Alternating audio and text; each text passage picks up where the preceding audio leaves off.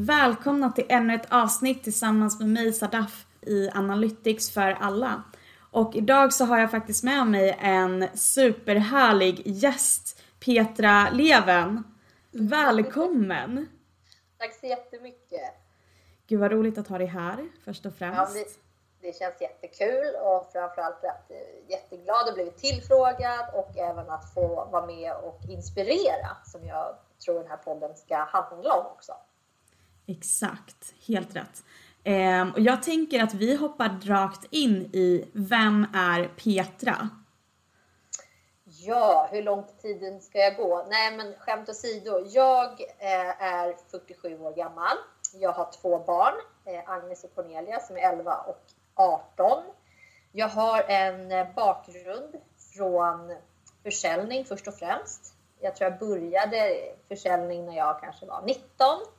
Eh, och har ju liksom hela min karriär liksom hela tiden klättrat i olika typer av positioner. Så jag tror jag var 21 eller 22 när jag fick min första chefsroll. Eh, och är otroligt tacksam att det företaget valde att satsa på mig när jag var så pass ung. Eh, och jag brukar som sagt eh, tacka dem än idag att jag är där jag är. Eh, det var en otroligt entreprenöriell skola där, där marken satsade på unga talanger och jag fick verkligen min utvecklingsresa där. Eh, så jag har jobbat främst inom IT, teknik och telekom i hela mitt liv eh, inom olika typer av befattningar. De senaste 12-13 åren har jag haft olika chefspositioner och har själv suttit som ensam kvinna i ledningsgrupper, i olika typer av ja, generella forum och även velat rekrytera in kvinnor i mina organisationer men har fått väldigt få tjejer som söker och jag har fått väldigt få eh, tjejer presenterade av traditionella rekryteringsbyråer. Varför jag tog det här beslutet för fyra och ett halvt år sedan att driva upp Women Ahead. Men eh, hur, eh, hur hamnade du, eller var, vart hamnade intresset? Hur hamnade du i hela den här techvärlden och vart växte det fram?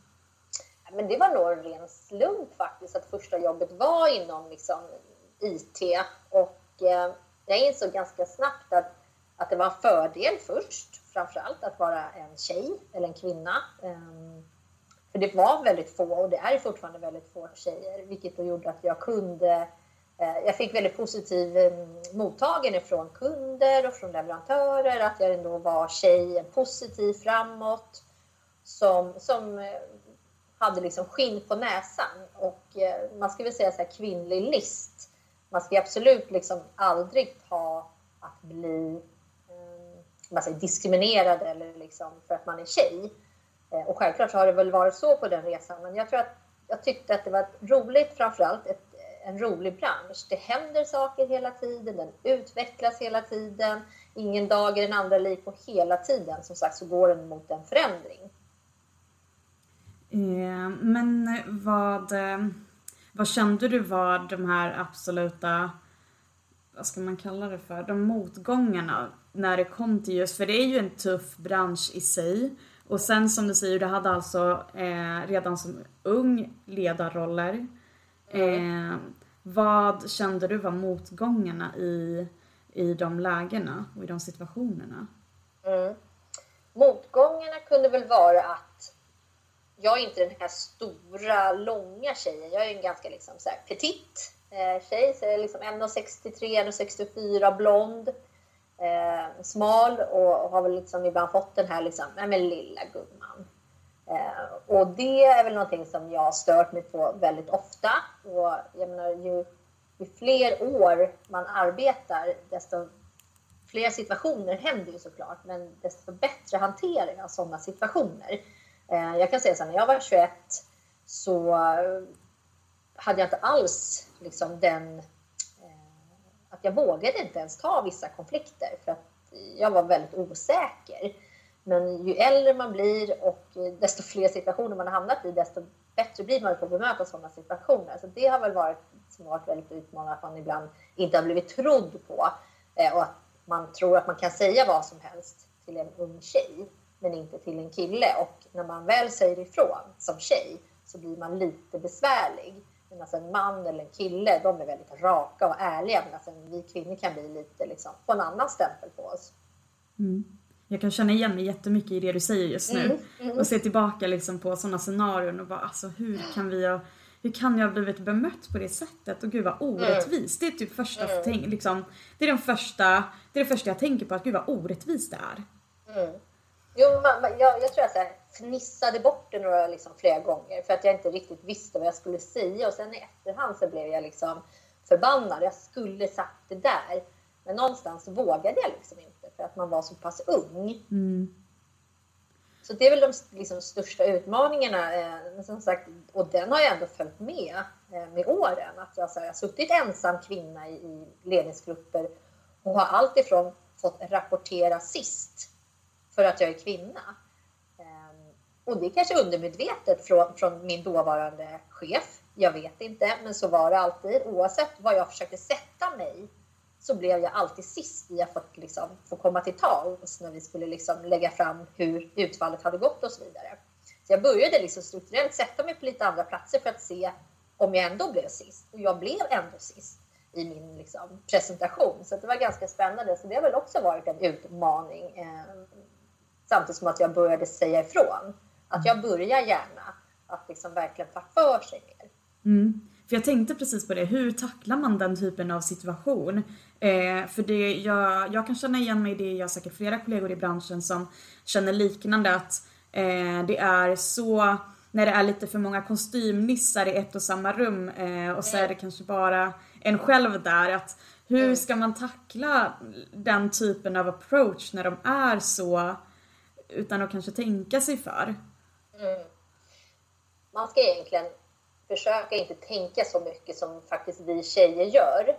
Ehm, och jag vet själv man sitter i sådana forum, man kommer på en idé som man jättegärna vill dela med sig utav eller säga så här, ja men det här är en superbra idé. Men så blir man den här lilla flickan helt plötsligt och vågar inte säga den idén eller den tanken man har. Så man har och så sitter man och väntar lite och sen kommer någon annan eller liksom då en man i samma forum och säger just det man hade tänkt att säga. Och hur många gånger har man inte tänkt då fasiken varför sa jag inte det där? Jag hade ju den idén. Så att börja tro mer på sig själva och inte sätta så mycket begränsningar. För jag tror att män kan släppa in oss mer eh, om vi liksom som sagt någonstans inte ska vara den här duktiga flickan. Man brukar ju säga att en tjej söker ett nytt jobb på sin man säger, sin kunskap och det man har utfört medan en man söker på sin potential. Att man liksom, och det handlar om att de vågar mer, de tror mer på sig själva. Så det brukar jag också säga till de flesta tjejerna, men tro mer på er själva. Man, man kan mer än vad man tror. Mm. Och vill man utveckla sig så ska man inte söka roller som man redan kan. Man måste ju söka roller som man vill ta ett nästa steg. Ja, men där kan jag, där kan jag ännu en gång hålla med att det är så eh, jag, jag, jag har flera kollegor i, i branschen och eh, som har varit i de här situationerna att de vågar inte ta nästa steg. De vågar, de, de hade passat perfekt i en chefsroll men de vågar inte ta det där steget. Eh, Vad hade du då kunnat ge för tips eller råd liksom som man skulle kunna tänka på?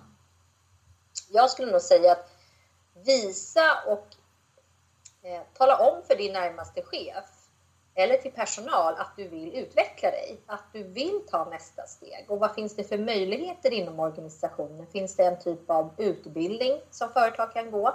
För oftast kan det ju vara att företaget har en begränsad budget för lön eh, och då kan det vara svårt att liksom få upp sin lön. Men det finns alltid en budget för kompetensutveckling. Så vill man ta ett eh, nästa steg och bli kanske chef eller vad det kan vara för liksom, typ av roll, projektledare eller så tycker jag man ska liksom tala om det. För att talar man inte om, då kan ju inte chefen veta eller personal att man faktiskt vill utveckla sig och ta nästa steg. Så det ligger på sitt eget ansvar. Men som sagt, då kontakta sin chef eller liksom personalavdelningen och säga att jag vill kompetensutveckla mig. Vad finns det för möjligheter? Jag har tittat på de här utbildningarna eh, och liksom vara lite framåt och vara lite push och visa vad man vill. Eh, och då får man sagt, man kan inte få mer än ett nej, men jag tycker det visar eh, det är viktigt att man visar en tydlighet vad man vill. Mm. Och lättast är också att utveckla sig i den organisationen som man befinner sig i. För det är svårare att söka en chefsroll eh, i en organisation man inte är anställd i. Utan då är det bättre att utveckla sig och få den möjligheten där man faktiskt är idag. Ah, så man jobbar sig uppåt i själva organisationen så att man inte söker liksom en chefsroll som man inte haft tidigare? Nej, och det, precis. Och för det, tror, det är ju svårare. Låt oss säga att vi söker en chefsposition och så är det en, en, en person som söker som inte har en chefsposition idag. Det kommer vara jättesvårt för den personen att mm. få den rollen. Eh, därför brukar jag rekommendera att alla att påbörja den utvecklingsresan där du är idag och säkerställ liksom att chefen vet om att du vill ta nästa steg. Eh, för att många vågar inte tala om det för sina chefer, att jag vill göra någonting annat, jag vill ta nästa steg. Eh, vilket resulterar i att man, man kanske helt plötsligt tar ett annat jobb utanför organisationen, så blir företaget av med, med en talang. Mm. Så att alltid när jag har jobbat på mina senaste år som, som försäljningschef så var jag alltid tydlig med mina anställda att tala om för mig vad ni vill. Om ni vill utveckla er, om ni vill ta nästa steg. Jag kan, liksom, vill ni gå utanför organisationen så kan jag vara er referens. Men jag vill ha en ärlig dialog med mina anställda så att jag kan finnas där till, till hands och som bollplank när man liksom vill utveckla sig. Mm. Okay. Eh, men om vi går tillbaka lite till eh, företaget som du jobbar på som, ni har, som du har grundat. Eh, mm. vad, vart, vart jobbar du? Vad gör du? Vad, hur ser dagarna ut? Vad...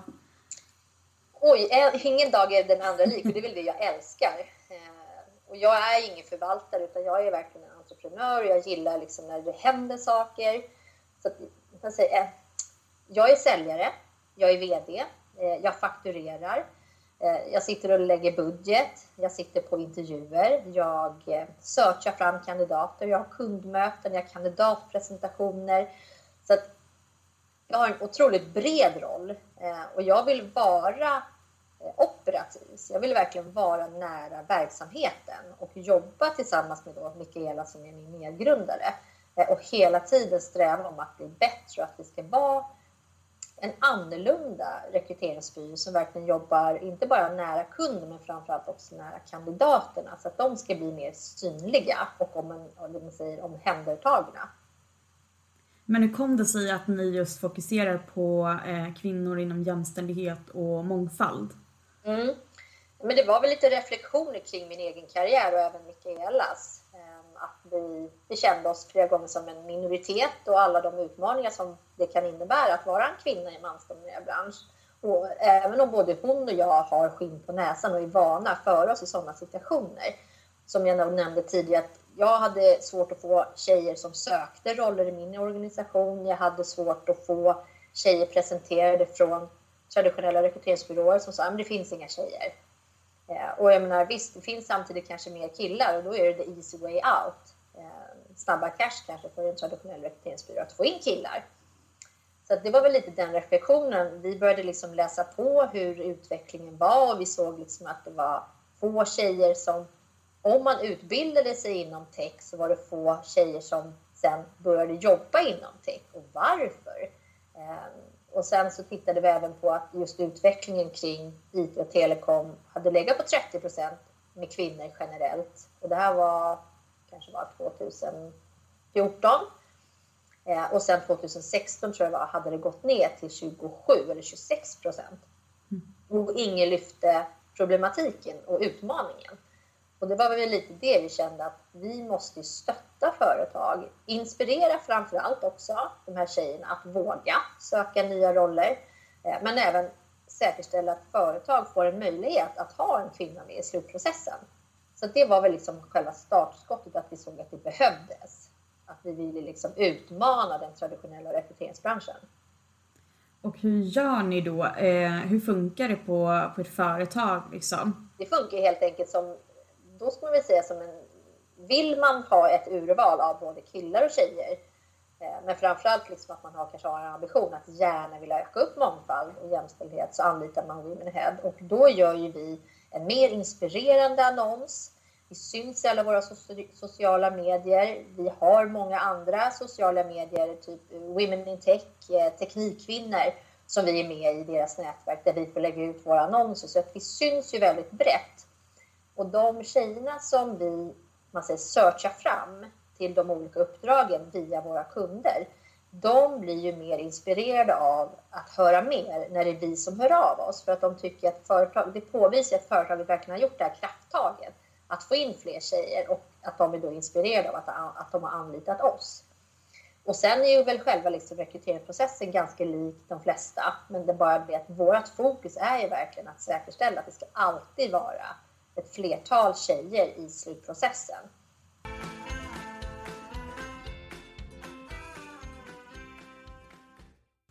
Eh, men eh, du nämnde lite i början där att innan ni skulle starta företaget så gjorde ni väldigt mycket research. Mm. Hur kändes det när du såg det svart på vitt, alla de här siffrorna och allting som ni fick fram liksom kring att det var så låga, eh, låga siffror och att, ja men, eh, du, du sa också det här med att den, eh, det finns, det, fin, det finns många som studerar och kanske läser någon tech-utbildning men sen så blir det ingenting av det. Mm. Vad var den orsaken? En stor orsak var ju att man dels många tjejer som, som pluggar eh, och det ser vi också. De är ju då även en minoritet i, eh, i sådana sammanhang. Jag hade en, en, eh, en kompis vars dotter gick teknisk hon var ensam tjej i hela den klassen av typ 25-30 killar. Eh, och redan då kände hon väl liksom ånger av det val på grund av att hon liksom inte kände någon liksom tillhörighet hon fick en del liksom ord slängda hit och dit. Men framförallt så tror jag att man som bolag måste inse att vi är olika. Att man liksom, jag hade faktiskt en, det är ett bra exempel, en, också en, en kompis eller en för detta jobbarkompis som jobbar på ett större bolag med, som IT-chef. Och de skulle åka på konferens och då hade de, fick de ett schema, de skulle till Barcelona, det var jätte liksom, härligt. Men då fick hon se liksom att de skulle golfa och det skulle badas i bubbel och det skulle vara typ ölprovning. Så att företag behöver liksom anpassa lite. Så, att, så risken är att man börjar som kvinna i, i en, en mansdominerat företag Eh, så slutar man ganska snabbt därtill för att man inte blir inkluderad. Och jag brukar också säga det att, att jämställdhet är liksom ingen kvinnofråga utan liksom det, är, det, det skapar vi tillsammans. Det sitter inte i väggarna utan männen måste förstå eh, liksom syftet med att få in fler kvinnor. Och gör de inte det så blir det ju jättesvårt. Det ska inte bara, ja men nu skapar vi ett kvinnligt nätverk på företaget så, så stannar alla kvinnor kvar. Mm. Eh, det, det liksom funkar inte så, utan vi måste blanda in männen för att få den här liksom effekten. Men vad tycker ni eh, krävs för att vad, vad, krävs förutom det här? För det har vi ju sett, det har jag ju sett eh, på flera ställen att men, vi har en eh, liten gathering med kvinnor liksom en gång i månaden där ni får prata av er och prata och mm. tycka och allt vad det är och sen så blir det inget av det. Vad krävs mer av företagen? Dels, jag tror att man, man, man måste jobba långsiktigt med frågan. Så att liksom, varför har man de här liksom, träffarna och vad är syfte? Eller först vad är bakgrunden? Vad är syfte och hur ska man tänka framåt? Det är liksom inte en kortsiktig lösning att jobba med jämställdhetsfrågan utan det hänger, allting hänger på liksom hur man kommunicerar med värderingar på hemsidan. Eh, många hemsidor som vi kan titta på, vi som jobbar här, och då kommer det liksom massa killar och så kommer tjejen, om det nu finns någon, längst ner. Att man måste börja liksom tänka mer strategiskt och framförallt en bredd i allt ifrån sin kommunikation och hur man jobbar med employing branding.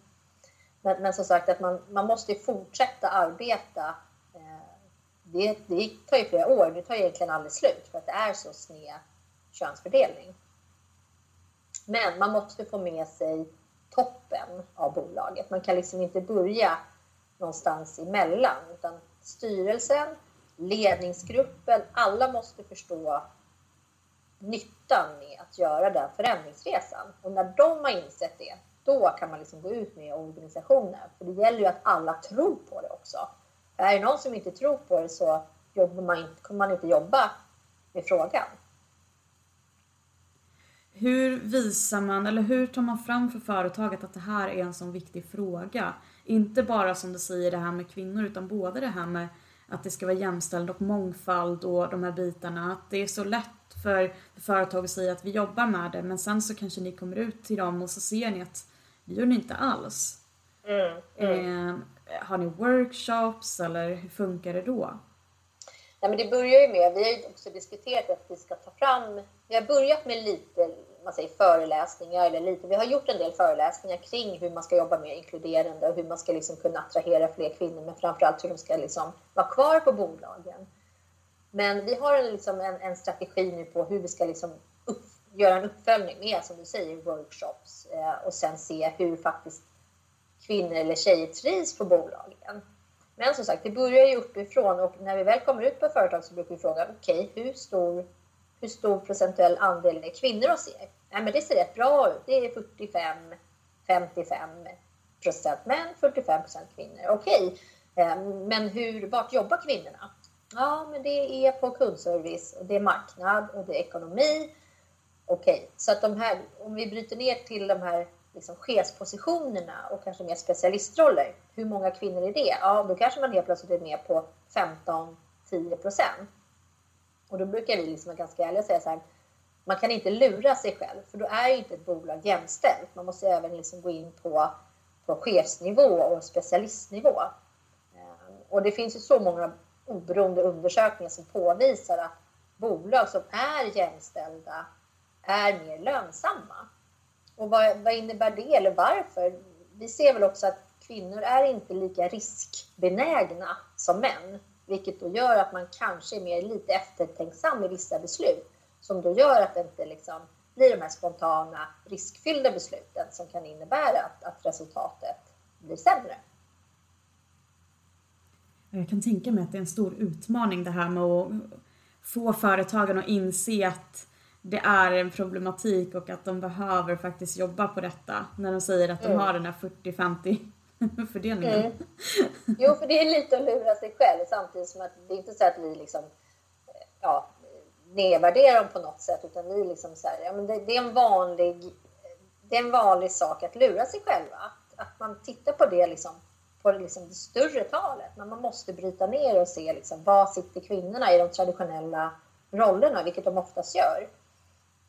Och det kan ju vara bolag som, som sagt, som, som man, behöver, man behöver få in män på vissa positioner. Eh, Alltifrån liksom, som sagt, ekonomi eller på, på HR eller på, på marknad. Eh, men att man försöker tänka lite, liksom, inte bara att det är en kvinna, utan att det är verkligen den här mångfalden som behövs. Så det kan ju vara liksom ålder, personlighet, etniskt ursprung och liksom framförallt kön. Att det ska vara liksom inkluderande. Mm. Och jag brukar ändå säga att jag tyckte det var så intressant, jag vet inte om du har lyssnat på, eh, på Caroline Farbergers både vinter och sommarprat. Hon, han gick ju till en hon mm. Eh, och det var då som hon reflekterade över hur det är att vara kvinna i mansdominerade miljöer. Allt ifrån liksom mötesrum till liksom hur, hur hon blev behandlad på ett sätt nu när hon helt plötsligt hade kjol och höga klackar.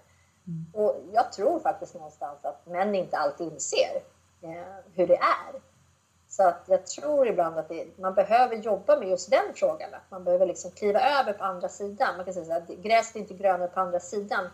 Men att man ser liksom på köns, att det blir mer könsneutralt. Att man liksom ändå inser skillnaden. Mm. Och jag tror också när metoo kom så tror jag många män ändå insåg också att eh, ja, hur många hade upplevt det och faktiskt hur många hade varit med och bidragit till att det hade blivit som det hade blivit. Precis. Eller blev som det blev. Ja, ja.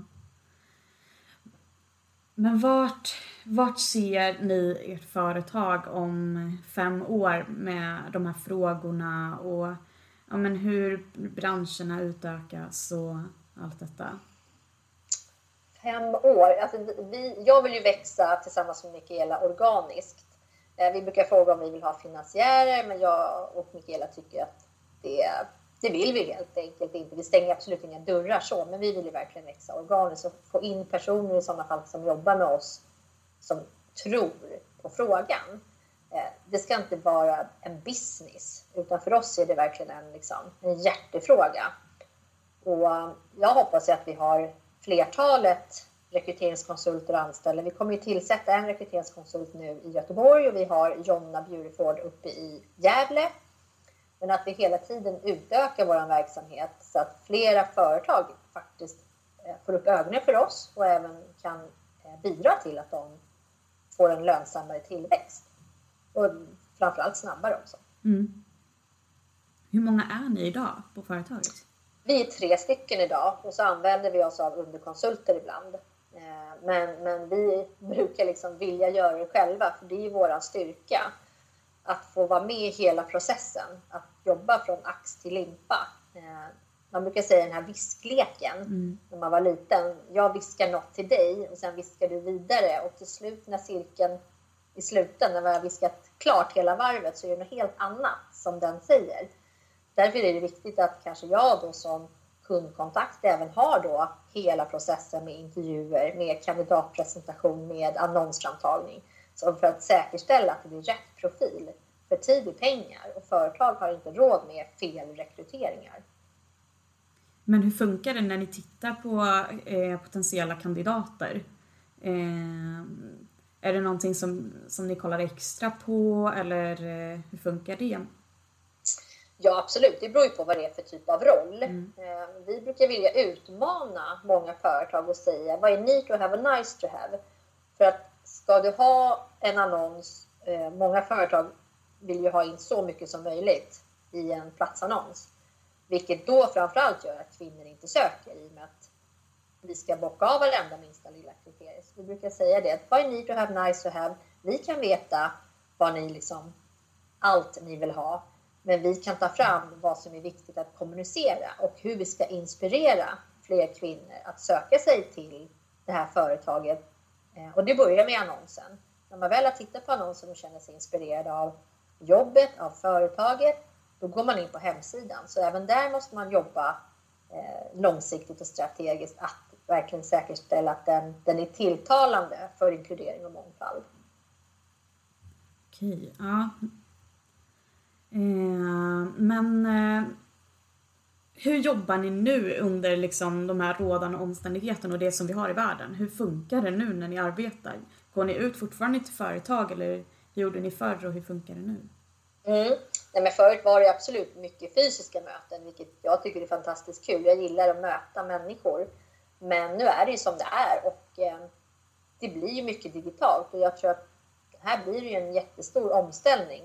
Jag tror där, när vi tittar på resandet så kommer ju säkerligen resandet gå tillbaka till ganska normalt för det privata, det privata resandet. Men tittar vi på, på den här businessresandet så tror jag att det kommer bli betydligt mindre. Vi tittar ju idag, såg någon undersökning som att vi är tillbaka på 80-talet när det gäller hur vi reser. Det är ju super för miljön, det är effektivare att sitta på det här sättet som du och jag gör nu. Vi hade ju egentligen träffats live. Mm. Nu gör vi inte det. Vi följer restriktioner. Eh, det är viktigt. Men eh, så vi har möten med nya kunder, befintliga kunder. Allting kör vi digitalt nu. Hur funkar det? Jag tänker liksom när ni ska träffa kandidater. Blir det en annan typ av känsla och hur funkar det liksom?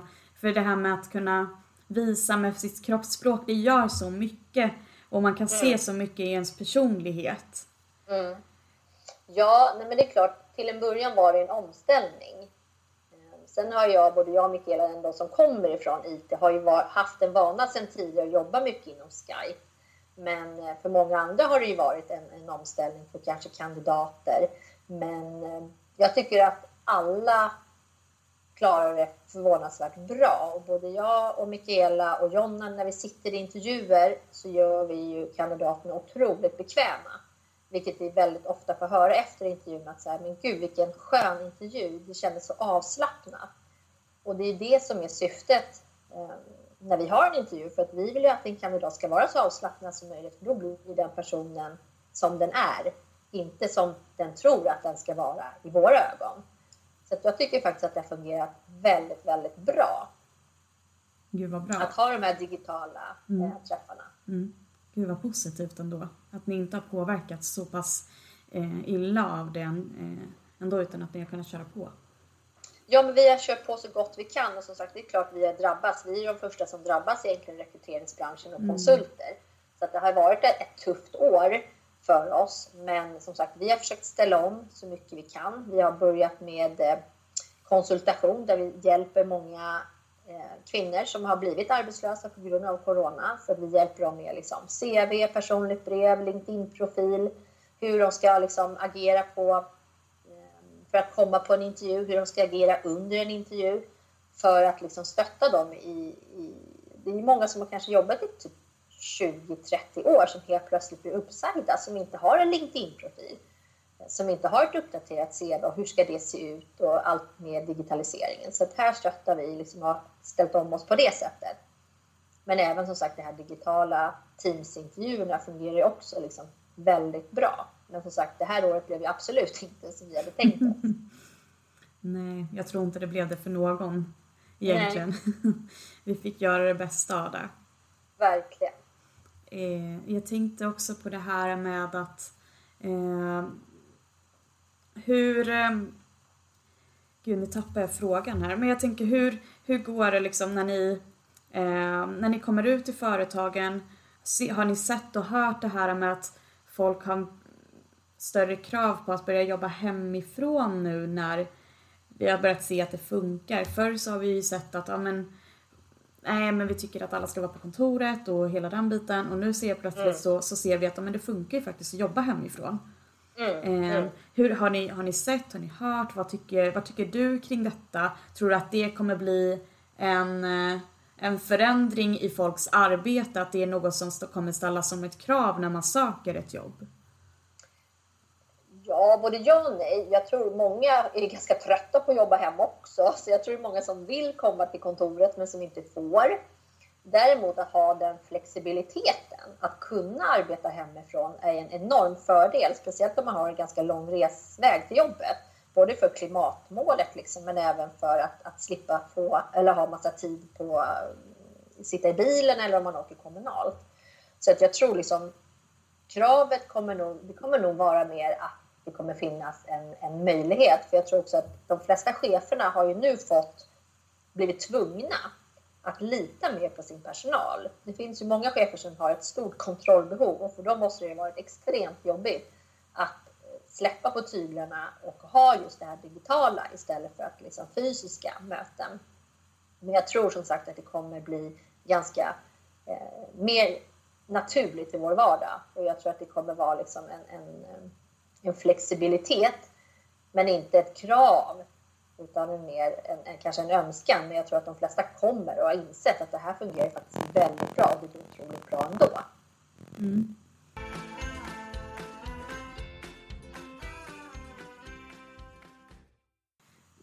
Vad, vad, skulle du ge för tips till en ung tjej som ska välja eh, universitet och nu ska de välja program och allt det här. Eh, men är ändå, ja men har hört nu att alltså tech har ju börjat bli större och större och digitaliseringen är större än någonsin så de har ju fått en förståelse för att okej okay, det är viktigt. Men jag vågar mm. inte riktigt söka. Vad skulle du ge för tips eller pepp till de här tjejerna, till de här unga tjejerna som, eh, som vi behöver i våra branscher nu? Mm. Jag skulle säga att de, de måste tro mer på sig själva. Att det är lite typiskt det här liksom, duktiga flickan-syndromet, att det måste man försöka tvätta bort. Eh, och jag brukar säga fake it till you make it. Det är liksom någonting bara som man ska tänka hela tiden för att till slut så blir det en verklighet att du lyckas. Men du kan inte gå och tänka tvärtom, att inte kan jag, inte vågar jag. Ja, jag vågar. Och det kommer visst gå bra. Och vad är det värsta som kan hända? Ja, att det kanske inte funkade. Eller att jag tyckte inte det var roligt. Ja, men då får man väl göra någonting något annat. Det ska inte vara en sån big deal. Sen är det så absolut att ett vägval inom tech är ju en fantastisk framtid. Och speciellt om man är en kvinna, för det är sån efterfrågan. Så jag skulle säga, vill man ha ett, ett framtidssäkert jobb där det är stor efterfrågan och därmed kanske också ett bra lönekuvert, skulle jag säga verkligen att tjejer bör söka sig till tech. Och det är inte för sent, skulle jag också säga. Det är inte för mm. sent att göra det när du är 30 utan det finns otroligt många yrkesutbildningar som, jag sitter ju med i IT-högskolan i, i ledningsgruppen och det finns ju otroligt många bra utbildningar att gå liksom oavsett din ålder. Så det behöver inte vara att, aha, nej men jag är 30 nu, inte, nu kan inte jag utbilda mig. Eller om jag är, det kan till och med att du är 40. Så att man liksom ändå kan tänka att vi kommer jobba mycket längre än vad kanske våra föräldrar har gjort. Eh, som det ser ut idag just gällande pension och så vidare. Mm, mm. Ja, det var bra tips faktiskt. Jag önskar nästan eh, när jag visste upp att det fanns fler, det som vi har idag, vi har så många eh, starka och ledande kvinnor. Jag önskar att det mm. fanns och att det syndes mycket mer när jag var yngre. För jag tror mm. det hade väglett så mycket enklare och det hade, jag vet inte, det hade, ja. Jo, vi behöver inspiration för att liksom se att, men kan hon, kan jag. Mm. Eh, att se sig själv i någon tror jag är mer kvinnligt kanske än en man, utan för dem är det mer så naturligt. Tack så jättemycket Petra för att du deltog på podden och att du ja, men tog dig tid till att kunna inspirera lyssnarna.